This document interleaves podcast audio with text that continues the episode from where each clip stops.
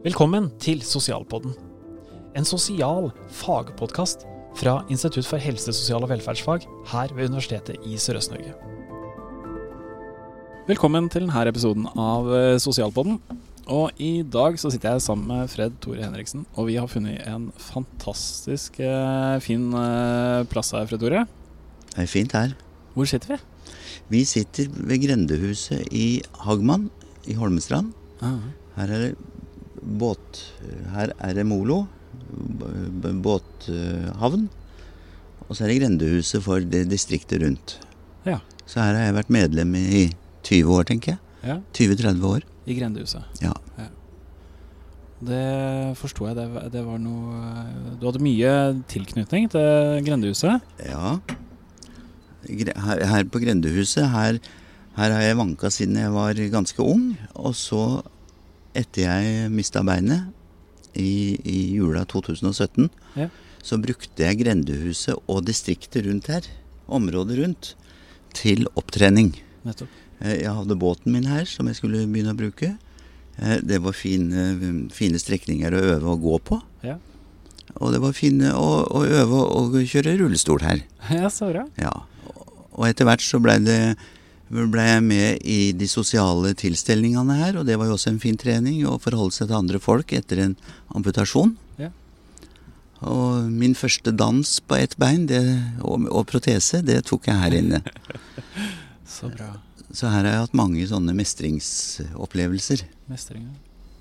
Skal vi spole veldig kjapt. eh, Fred Tore, jeg kjenner jo deg som eh, tidligere kollega på uh, vernepleierutdanninga på Mhm. Universitetet i Sørøst-Norge. Mhm. Du eh, har jobba der eh, i mange år, Mhm.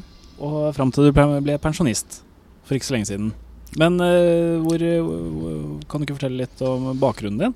Jo. Eh, Jeg begynte å jobbe på en psykiatrisk avdeling i Buskerud i, ved sykehuset. I eh, 76, da var jeg 18 år. Og ja, det var i forhold til angstproblematikk og personlighetsforstyrrelser. Og mennesker med psykiske, alvorlige psykiske lidelser som psykoser. Ja. Og der var jeg i, i ca. ti år. Og mens jeg jobba der i første omgang, i de ti åra, så tok jeg voksengymnas og vernepleierutdanning. Ah. Så jeg var student og jobba samtidig. Ja. Men vernepleierutdanninga, den var ikke gammel da, den?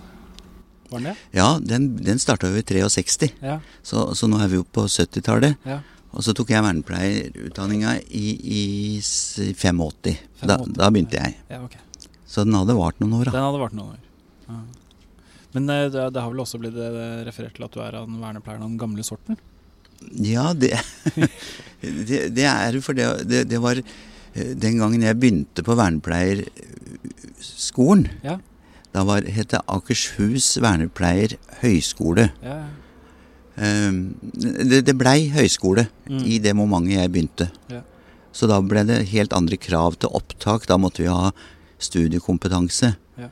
Og det kom i 84, 85, 86. Okay. Blei det gjennomført litt gradvis. Eh, Så vi sier ofte det at vernepleierne av den gamle sorten, det var antagelig før høyskolereformen. Ja, ja, Det er én måte å forstå det på, i hvert fall. nettopp. Ja. Og så etter hvert så, så kom du, begynte du selv å undervise. Så begynte jeg å jobbe Ja, så jobba jeg på Lier sykehus, som det heter, i mange år. Og så hadde jeg noen, noen år ute i forbindelse med eh, HVPU-reformen, Ja. og var med å tilrettelegge i kommunen. Mm. Og så var det en dag jeg tenkte nå må noe skje. Og så ringte en tidligere kollega fra sykehuset som jobba da på, på hjelpepleierskolen, og lurte på om jeg ville bli lærer på noe som heter hjelpepleie i vernepleie. Stemmer. Og jeg følte det var som et, eh, et type kall, så jeg sa ja tvert og sa opp jobben i kommunen og begynte som lærer. Ja. Og var der i fem år. Da tok jeg eh, fem år, ja. Voksenopplæring var det. Eh, Så begynte jeg å jobbe ute på psykiatrisk avdeling igjen. Samtidig som jeg tok videreutdanning i psykiatrisk sykepleie, som det hette i, i 97. Ja. Da hette det ikke psykisk helsearbeid, da het det psykiatrisk sykepleie. Og, og det første kullet som jeg var med på, det, det, da kom det inn fem vernepleiere Mm. som et sånn prøveprosjekt. Det var en veldig spennende tid. Ja. Uh, og etter jeg var ferdig på det, det Der gikk jeg på Diakonhjemmet. Og etter jeg var ferdig med det, så fikk jeg faktisk jobb som lærer på videreutdanning i psykisk helsearbeid på Da, da kalte vi det Høgskolen i Buskerud. Mm. Så var jeg der i ja, åtte år. Mm. Før jeg begynte i Telemark på vernepleierutdanninga der. Og der ble jeg først kjent med deg som læreren min. Ja, ja. Jeg husker bestandig Fred Tore eh, som den som hadde masse fortellinger. eh, Et godt smil. Og så, så husker jeg bestandig du sto ute sammen med oss i pausene. Sto der og røyka. ja, det var så trivelig, for det det, det, var en av de få lærerne som kom ut og prata med oss imellom pausene. Ja, Som ja. ikke bare tusla tilbake på kontoret sitt eller gikk til de andre lærerne. Det betydde mye for mange studenter. ja, og det var mer eller mindre bevisst, det, altså. For jeg tenkte da fikk jeg tak i litt hva som bevega seg, og jeg ble, ble litt kjent med stemmen deres. Og, Ja. Og så var det også, eh, og det er ikke lenge siden jeg tok vernepleierutdanning, men det var ikke så mange vernepleiere som underviste oss heller, så det, det, det husker jeg også slo veldig mange. Eh, ja, nå har vi noen vernepleiere som underviser oss, og da kunne vi få tak i hva er det her vernepleieprofesjonen. ja, det kan jeg tenke meg. Mm. Men eh, så ble jo jeg etter hvert ansatt på utdanninga, og da eh, var det jo at du var sykemeldt. Kan ikke du fortelle hva som, eh, hva som skjedde i forbindelse med det? Ja, det var, det var altså i desember eh, 17 så sto jeg og underviste eh, på, i Porsgrunn. Mm. Og så begynte jeg å få så vondt i beinet. Og så var det noen studenter som eh, observerte at jeg begynte å halte litt. Ja. Ja ja, tenkte jeg, det er vel, jeg har vel trena for lite, eller jeg har vel et eller annet. Så jeg kjørte nå hjem og sto og vaska opp, og så fikk jeg en akutt øh, øh, bl- bl- Altså, det var en blodpropp Ja. som satte seg fast okay. i, under kneet Ja. på høyre bein. Og så ble jeg sendt på sykehuset, og dem, jeg lå der i en uke, og de prøvde å stake opp, som de sier, Ja. og få bort, øh, få bort det som sto her i veien. Ja. Eh, og da gikk det, fikk jeg betennelse i beinet, og de greide ikke å redde det. Nei. Så da måtte de amputere det. Ja. Eh, låramputasjon har jeg. nei. Så da sa de det på kvelden at nå Ja. skal du inn på syke, nå skal du ned på, eh, på skiftestua, operasjonssalen, og se hva vi kan eh, De skal se hva, vi skal se hva vi kan gjøre. Ja. Eh, vi, selvfølgelig skal vi prøve å redde det, men vi kan, ikke, vi kan ikke si hva resultatet blir. Nei. Og så våkna jeg opp om morgenen, og da var beinet tatt, for å si det groteskt. Ja, ja. Ja. Uten at jeg kan så mye om amputasjon, eh, men jeg, jeg har vel forståelse at det, har en, det er en relativt stor forskjell om du tar det over eller under kneet. Ja, det er grad, veldig stor forskjell. Det er veldig stor forskjell. Det er grader av funksjonshemning og grader av mestring i etterkant, selvfølgelig. Ja, nettopp. For det å miste knefunksjon, det, det, det, det betyr jo mye. Mm. Eh, ja, jeg var nok mentalt forberedt på det, for jeg visste jo alvorlighetsgraden i det jeg var igjennom. Mm. Eh, Så våkna jeg våkna, Vekte dem meg. De anestesi... Nei, det var sykepleiere som jobba da, selvfølgelig, på den oppvåkningsavdelingen. Og så reiste jeg meg opp, og så kom eh, samboeren min, Bjarne, Mm. på besøk. Det var avtalt at han skulle komme ca. klokka ni. Mm. Og halv ni satt jeg på sengekanten. Ja. Og da var det tre ting jeg var opptatt av. Det var at Bjarne skulle se amputasjonssåret, eller stumpen, det som var igjen. Ja. For jeg syntes sjøl det var så forferdelig å se på. ja. Så jeg tenkte han må få se det først. Okay. Det er det viktigste. Ja. Og- åssen han reagerer på det, det var jeg veldig spent på. Ja. Det var det ene.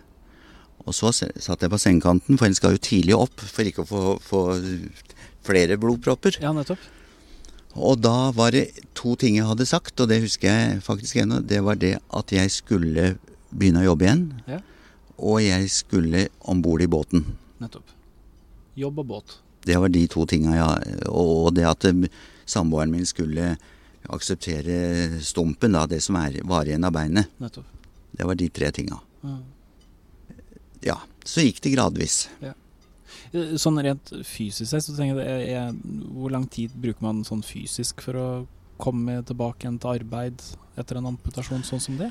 Eh, Jeg, eh, jeg var altså Dette skjedde i desember eh, jula eh, 17. Og fem måneder etterpå så var jeg tilbake på kontoret i rullestol. Ja, nettopp. Fem måneder. Ja. Eh, Det kan vi jo godt si var veldig bra, ja. Men det var nok veldig tidlig. Okay, Ja. Fordi at det fysisk så kunne det gå greit. Ja. Så jeg, men, men psykisk så, så var nok det litt eh, krevende. Ja. Eh, Det, det var på kontoret. Men utover eh, da var jeg der sånn gradvis fra april-mai og litt utover sommeren. Da var det sommerferie, og så begynte jeg litt sånn gradvis å tilnærme meg studentene. Og da sammen med andre kollegaer. Og, og, og da Ja, så da opplevde jeg vel det at studentene egentlig var med på rehabiliterings... Var med i rehabiliteringsfasen min. For dem, vi spilte litt sånn pingpong. Ja. Eh, Jeg ville gjerne skrive noe stikkord på tavla. Ja. Men, men så skjønte jeg at jeg orka ikke å gå bort på tavla og skrive det. Det ville bli for slitsomt. Ja. Så jeg fikk noen studenter til å skrive og laga tegn... ka- det, Sånne Tankekart. tankekart og så. Ja. Og, eh, så det var jo veldig god hjelp for meg. Mm. Og i ettertid tror jeg ikke det var Jeg tror det var mye god læring for studentene også Ja. i det greiene der. Nettopp. Jeg, jeg, et sånn bilde som jeg For du sa liksom det var, det var båten og, og jobben. Og så husker jeg den, den, den her episoden vi sitter og prater om nå, handler jo også om det her med fritid og tilrettelegging av fritid. Og jeg husker veldig godt at du hadde vært av gårde en tur. Og jeg skjønner jo det, det må jo ha vært eh, på, på vinteren igjen det året. Og da, og da, da, da handla det om at eh, du hadde testa ut noe ski.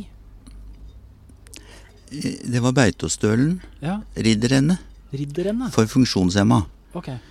Så da i førsten av desember i 2017 så var jo jeg høyskole universitetslektor på, eh, i Porsgrunn. Og i april var jeg altså deltaker på ridderrennet eh, skirenn for funksjonshemma. Så jeg bytta roller. rollene ble veldig bytta om veldig fort der og da. Ja. Det kjente jeg veldig på. Ja, hva, hva kjente du på det? Jeg, jeg kjente på at eh, hvem er jeg? Ja, Er jeg universitetslektoren? Eller er jeg Fred Hore med, med, med, med funksjonshemning? nettopp. Og det dvelte jeg veldig mye med og brukte mye tid og krefter på. Ja, eh, Både å snakke om med, med, med, med de menneskene jeg møtte, men også, også sånn tankemessig for meg sjøl. ja, For jeg, jeg plundra litt med å finne rollen min. nettopp.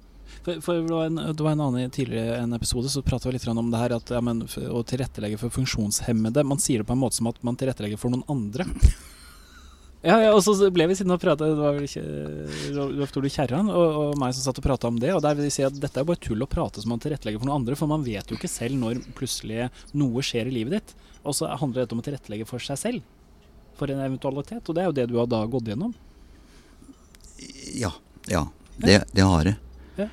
Eh, Det begynte ganske fort det begynte, Jeg begynte å bli ganske bevisst på det for mange, mange år siden.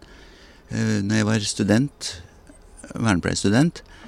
Og vi hadde om eh, vi, Det var Bronfenbrenner da, som Ja. var på pensum.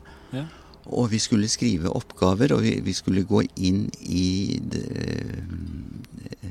I forbindelse med Bronfenbrenner så lagde vi en oppgave i forhold til sosialt nettverk. Mm. Og da tenkte jeg det er viktig med familie, slekt, venner, jobb. En må være bevisst på disse her kreftene som er i de sonene rundt deg. Mm. Og kunne nyttiggjøre seg av dem en gang. For plutselig en dag så kan det bli meg. Ja, nettopp. Eh, Det fikk vi si, og sikkert også undervisning på, så jeg vet ikke om det, de tankene kom, kom av seg sjøl. Mm. Men jeg tenkte at en dag så gjelder det også meg. Nettopp. Og jeg brukte det også bevisst når jeg jobba som vernepleier et, i etterkant. Så jeg fikk jo øvd meg på å tenke sånn når jeg var primærkontakt, f.eks. Ja. Men nå var det plutselig meg sjøl. Mm. Jeg visste at dette, kom, dette var veldig avhengig av meg. Men så var det veldig avhengig av Bjarne, som jeg bodde sammen med. Mm. Det var veldig avhengig av familien min, Ja. vennene mine, jobben min og nærmiljøet. Nettopp. Det var ikke noe sånn der privat helbredelsesreise. Nei. Det har ikke vært så. Jeg følte at jeg satt midt inni eh, det der, eh, det økologiske kartet til, til Bronfenbrenner. Ja. Jeg følte liksom at jeg hadde det på veggen. Ja, ja, ja. Ja. Så, så Og, og det, det stemmer. Og det stemmer den dag i dag når jeg ser at jeg er i dårlig form. Mm. Så da tenker jeg kartet. Hvor er det jeg skal gå hen nå? Hvor er det jeg må bevege meg? Er det, savner jeg kameratskapet? Savner jeg vennskap? Savner jeg faglig eh, prat? Ja. Og så videre. Men på fritidsaktiviteter, så Beitostølen var, var jo eh, en der. Var det fordi et skirenn? Det var i forbindelse med et, et rehabiliteringsopphold på, på, på, eh, i Stavern. På mm, Kysthospitalet? Kysthospitalet. Ja. Hvor det var en eh, noen veldig kjekke mennesker. eh, Blant annet noen idrettspedagoger. Ja. Som fikk meg eh, til å begynne å sykle. Ja. Og fikk meg til å begynne å gå med protese. Og som i etterkant av det oppholdet ringte og spurte om jeg ville være med på Beitostølen. Ja. På skirenn. Ja. En uke. Var du en skigåer fra før av? Nei. Nei? Jeg var ikke en skigåer fra før. Eh, og så sa jeg tver, tvert ja. Ja, okay. Det er klart jeg blir med det. Da kjente jeg de, de der idrettspedagogene. Jeg var trygge på dem. Og det var nok årsaken til at jeg torde å si ja. Mm. Og da var jeg sammen med likesinna. Jeg var sammen med andre funksjonshemma. Mm. Med, med forskjellige typer funksjonshemning, da. Og opplevde altså en mestrings... Jeg hadde en mestringsopplevelse der som uh, Aniagara. Det å plutselig greie å gå eh, Sjølve, sjølve det mm, rennet var på tre kilometer. Jeg, Ja. jeg valgte det korteste. Ja. Men på treningsrunden så greide vi nesten fem Nettopp. kilometer. Ja. Og det var stort. Det var da bare fem måneder etter, etter amputasjon. Ja. Eh, Så, det begynte veldig Det begynte veldig med, med, med, med det miljøet på, på Kysthospitalet, Ja. eh, hvor eh, Jeg husker en Jeg var der i 14 dager. Og jeg husker den ene dagen så Når jeg kom dit, så orka jeg ikke å feste blikket. Jeg orka ikke å prate noe særlig. Jeg var deprimert, lei meg. Jeg hadde antagelig også en sorgreaksjon ved å miste en stor kroppsdel. ja, ja. Skjønte jeg etterpå. Ja. Ehm, Men i hvert fall da så skulle jeg ha en time dagen etter med idrettspedagogen. Og idrettspedagogen kom eh, da den dagen før og lurte på hva skal vi finne på. Ja. Ja, jeg vil bare ut og få frisk luft, sa jeg. Ja vel, da møtes vi i resepsjon klokka ti. Og jeg i rullestol og topplue og i det hele tatt. Ja. Og, og protesebeinet. Nettopp. Så trilla vi bort til en garasje, og så lukta opp den døde garasjeporten. Og der sto det en rekke med sånne trehjulssykler, Ja. sånn som jeg har. Og så lurte jeg på om dette kunne være noe for meg. Ja. Ja. Så prøvde jeg den sykkelen, og det fungerte bra. Og dagen etter så var det idrettspedagogen og en idrettspedagogstudent som tok med meg ut på en sykkeltur. Ja. Ute i, i Stavern mot Rakke. Ja. En kort sykkeltur. Men jeg opplevde jo at jeg fikk livet eh, Da skjønte jeg at nå er livet mitt på vei til å gå tilbake. Nå kan jeg begynne å bevege meg. Mm. Og så apropos det, så eh, Dette var jo så vellykka at idrettspedagogen satte det opp på dagplan dagen etter òg. Ja, Og da sykla vi til minnehallen. ja. På isføre. Ja. Vi sykla helt opp til trappa. Ja. Og så gikk jeg opp den bratte trappa på, på minnehallen uh, aleine Ja. med idrettspedagogen rett bak meg. Ja. Og da Det, det var liksom sånn eh, opp, Ja, bokstavelig talt en mestringstrapp. Nettopp. Og så jeg tenkte dette her er jo helt utrolig. Ja. Nå skjønner jeg at jeg kan komme tilbake og leve et, eh, et godt liv. Ja.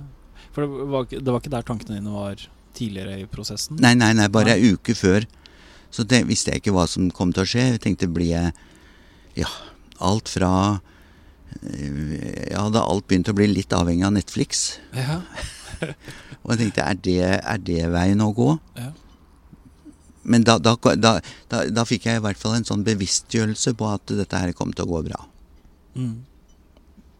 Ja, men og, og du fortalte For da hadde du en protese, og, jeg husker også du kom på jobben og eh, hadde en protese som Da du hadde fått oppgradert protesa di Ja, til noe teknisk Og jeg er jo helt sånn tekn, teknisk frik. ja, ja. ja.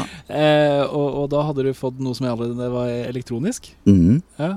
Og den hadde noe sånn pumpefunksjon og alt mulig her. Det er det jeg har nå på meg. Ja, ja.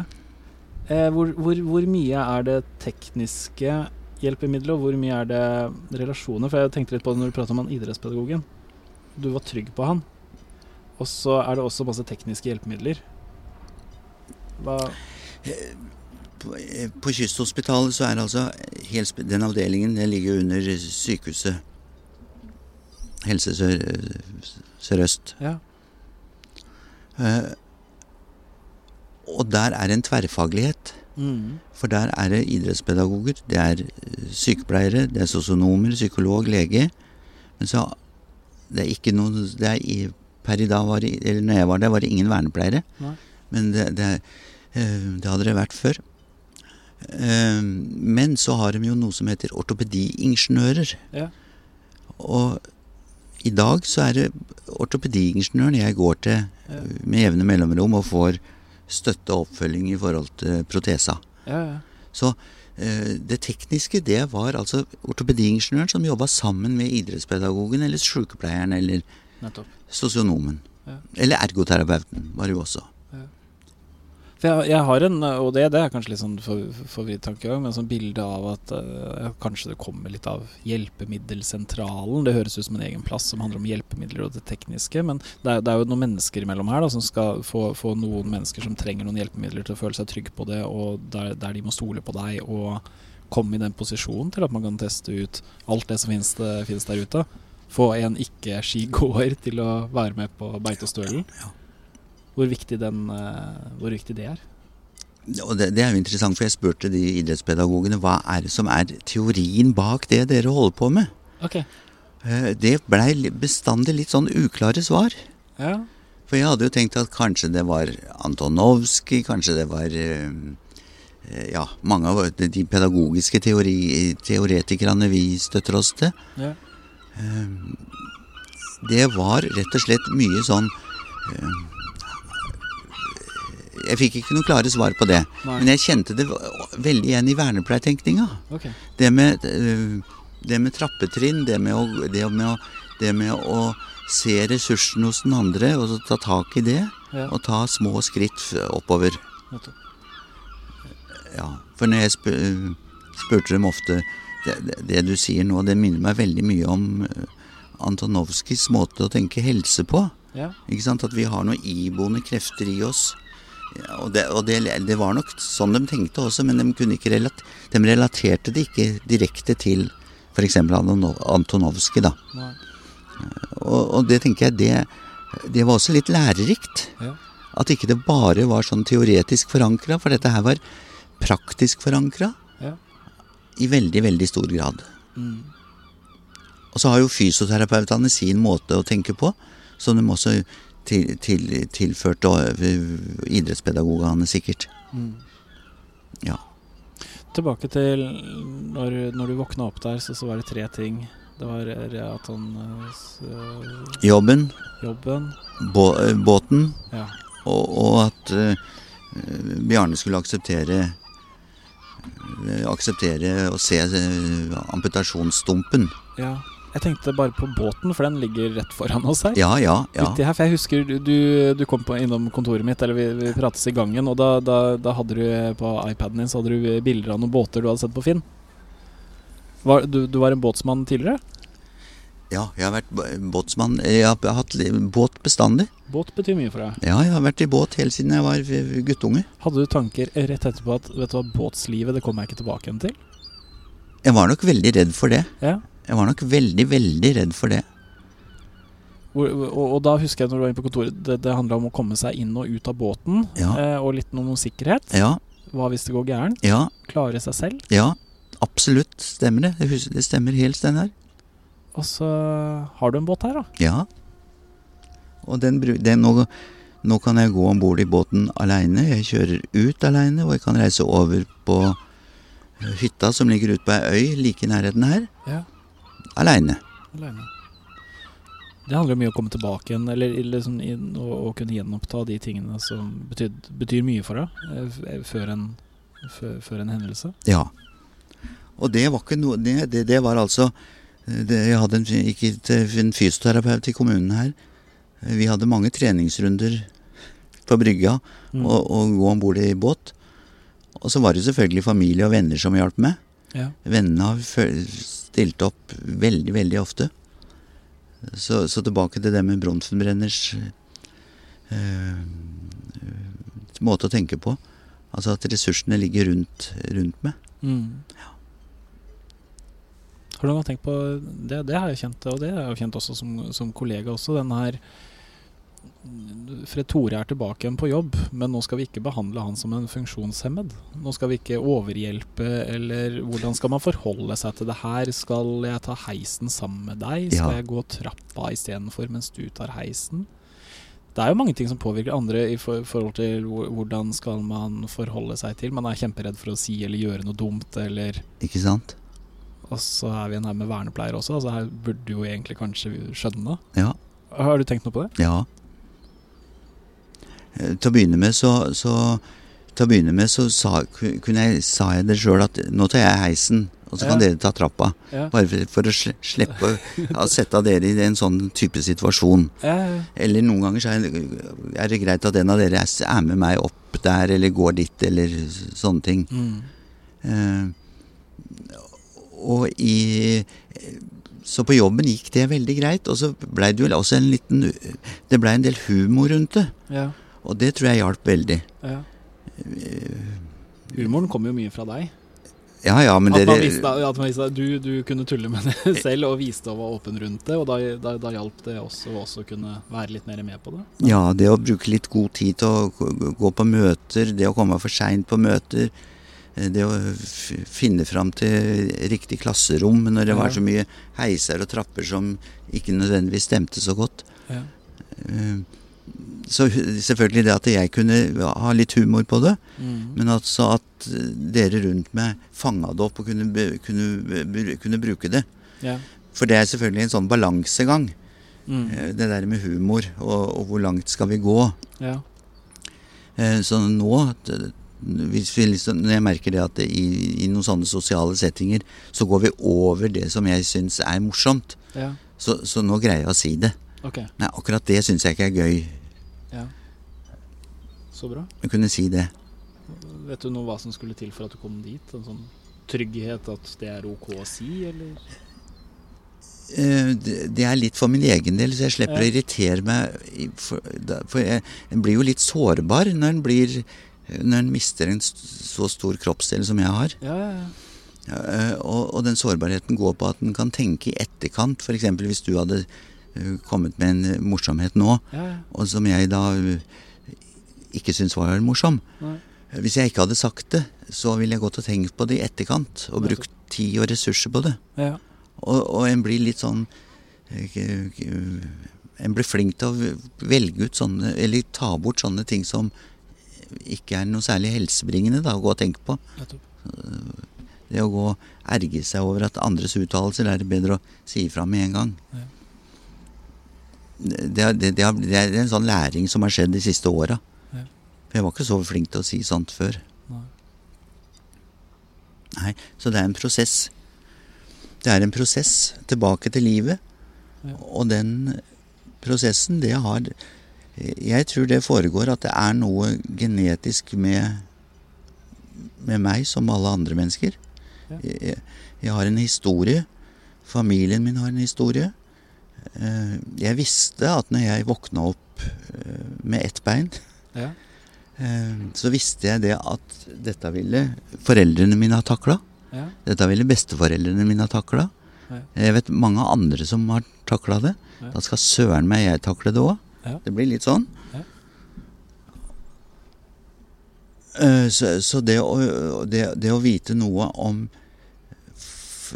sånn mestringshistorie til familien, det, det, det betydde mye for meg. Mm. For da tenkte jeg, når dem har mestra det, så har jeg sikkert noen iboende mestringsstrategier som jeg har lært. Ja. Og det viser seg at det har jeg faktisk brukt. Mm. Alt fra bestefaren min, mestringsstrategiene hans under krigen, eh, bestemora mi osv. osv. Men det å bli litt sånn bevisst på sin egen historie, for da blir, da blir liksom ikke jeg bare eh, den der, da, da, blir det ikke bare sykehistoria eller sykehus... Ja, sykehistoria mi, men det blir livshistoria mi som blir, på en måte blir eh, en helbredende kraft eller en eller annen sånn, sånn strategi som jeg kan bruke til å, til å, å nå målet. Mm. Skjønte du det? Jeg, ja. Jeg, jeg ble tenkt også på når, når, jeg spurte innledningsvis Kan du ikke fortelle litt om, om, om din historie? Så starta du ikke med Jo, jeg fikk en blodpropp. Du starta i begynnelsen.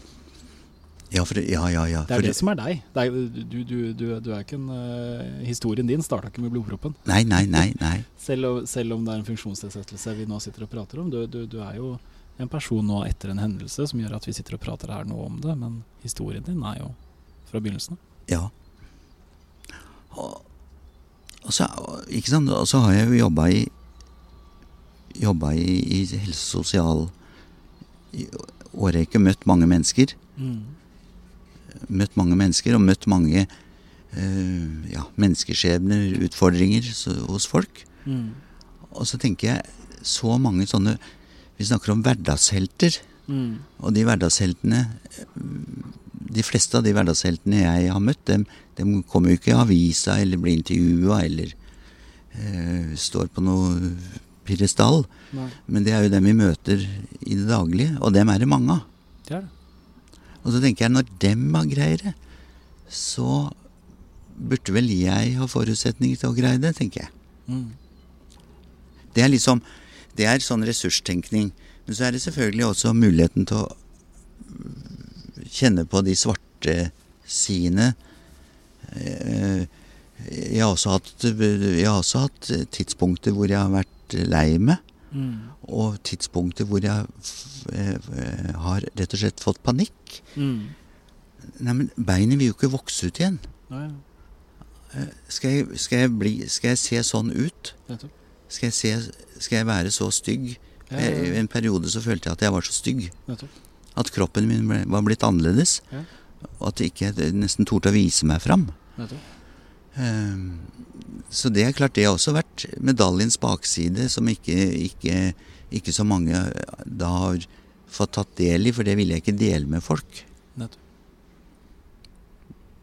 Men så, kan det, så, så, så svinger det, og så, og så hvis en da begynner å, å kanskje stikke hull på den ballongen eh, til noen, så, så blir det presset mye mindre.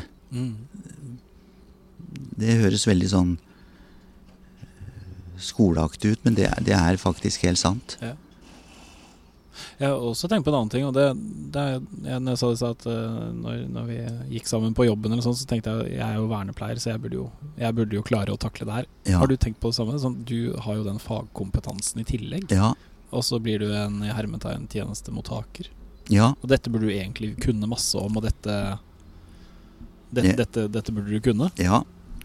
Og jeg hadde Jeg hørte et intervju med Bertolt Grünfeldt, vår kjente psykiater. Han eh, underviste sykepleierstudenter i Oslo eh, i sine unge dager. Og så i, på sine gamle dager så fikk han eh, kreft og fikk behov for hjemmetjeneste. Mm. Og da eh, kom det da tidligere studenter som han hadde hatt Ja. for mange, mange år tilbake, og skulle stelle hjelpe han Ja. i sykesenga. Mm. Eh, Også i ja, i terminalfasen, forsto jeg. Mm. Eh, og- eh, Det der med å være Ja, det å ha ulike roller hva, det, Ja. Hva var det du spurte om, Steinar? Nei, det, det, det å ha fagkompetansen til det. Du, du, du har en utdanning med hvordan tilrettelegge for funksjonsnedsettelser. Psykisk helse har du masse kompetanse på. Du har jobba med det. Hvordan jobbe med mennesker som har tunge faser i løpet av livet sitt. Ja, ja, og, og da, eh, da lærte jeg noe av han. Og det var Noen ganger så må jeg legge det fag, den, fag, det, det, den faglige eh, biten av meg vekk. Nettopp. Og bare kunne ta imot den hjelpa. Ja. Ta imot den hjelpa som eh, som, som f.eks. sykehuset gir. Mm. Jeg var i en sånn forvirringstilstand på, på sykehuset pga. høy CRP og temperatur. Ja. Eh, og, og, og fikk noen voldsomme vrangforestillinger. Mm. Og da delvis skjønte jeg at nå må jeg legge bort dette, den, den faglige biten min nå gjelder ikke. Nå må jeg bare stole på personalet. Mm. Og det var, det var også en Ja, det var en veldig prosess. Ja. Men når en blir syk nok, så, så gir det seg litt sjøl også, da. Mm. Tror vi er der at vi skal runde litt av. Ja.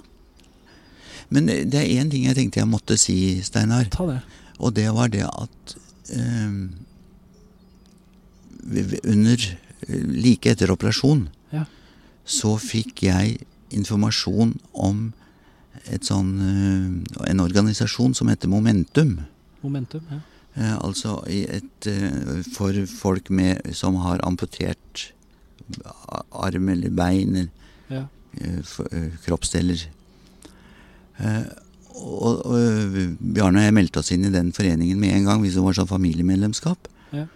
Og der fikk jeg veldig mye nyttig informasjon via nettet, men også gjennom medlemsblader. Mm. Og veldig mange sånne ja, utflukter, turer, sykkelturer, øh, skiturer osv. Så. Mm. så det har vært